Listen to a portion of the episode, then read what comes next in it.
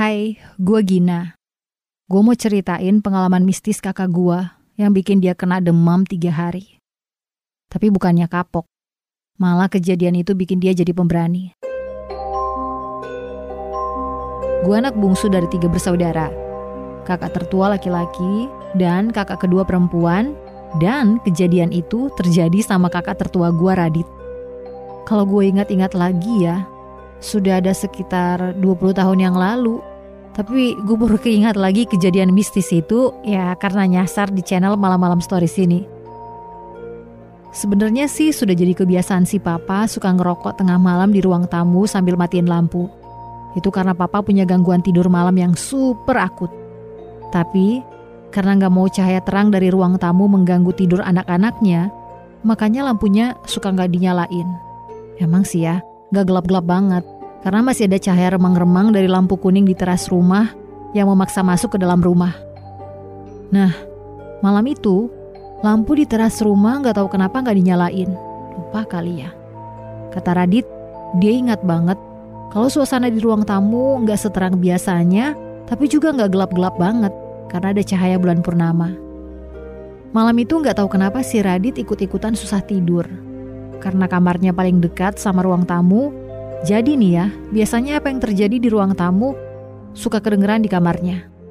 Termasuk bunyi dari kursi favorit si papa. Ya, maklum kursi tua itu suka berderit kalau didudukin. Ah, pasti si papa nih. Mumpung si papa lagi di ruang tamu, gua ke kamar mandi dulu dah. Kebelet pipis banget nih. Harus gua akui, gua juga suka takut ke kamar mandi di tengah malam. Karena yaitu harus melalui ruang tamu yang gelap. Ya, mumpung si papa lagi ngerokok seperti biasa, jadi deh si Radit buru-buru ke kamar mandi.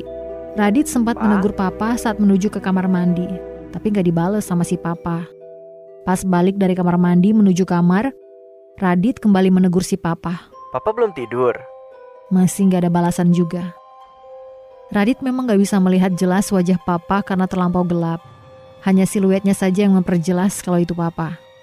Karena merasa aneh, Radit mendekati papa, mencoba menyentuh tangan papa. Papa tidur ya? Gak ada jawaban, tapi jelas papa gak tidur.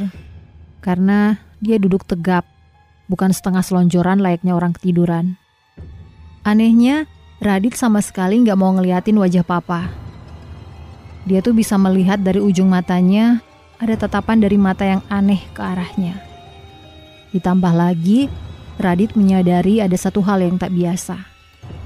Tangan papa dingin banget. Pikirannya belum sempat bisa menjawab pertanyaan itu, sudah muncul pertanyaan baru yang gak kalah menakutkan. Bentuk dan ukuran badan papa terlihat lebih besar dari yang seharusnya. Batin Radit memberi isyarat keras untuk segera balik kanan dan masuk ke kamar secepatnya. Hal ini makin dipertegas dengan bulu kuduknya yang mulai merinding dan kepalanya mulai terasa membesar.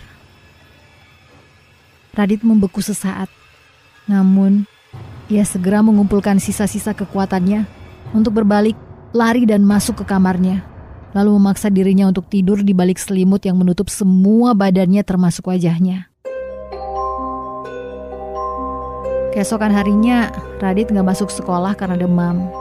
Kaget, takut, atau apalah namanya. Ia pun bertanya ke papa soal kejadian semalam. Sekedar memastikan, itu papa atau bukan sih? Sambil tersenyum tipis, ah, menahan tawa lebih tepatnya. Si papa menjawab, kalau itu bukan papa. Mama pun membenarkannya. Dan pengakuan itu cukup membuat kami bertiga ketakutan utamanya Radit yang syok karena menyadari dia telah bertemu hantu.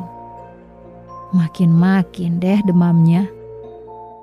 Tapi satu hal yang akhirnya kami ketahui setelah beberapa tahun belakangan berada di rumah ini.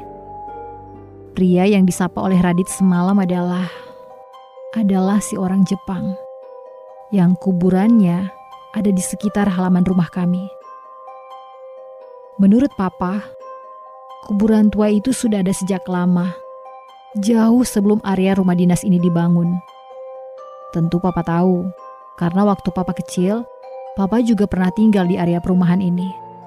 Tepat di puing-puing bangunan rumah tua yang letaknya tidak jauh dari rumah kami. Papa bilang, setiap malam bulan purnama, orang Jepang ini akan mondar-mandir di dalam rumah kami. Dan kebetulannya, semalam malah bertemu sapa dengan Radit.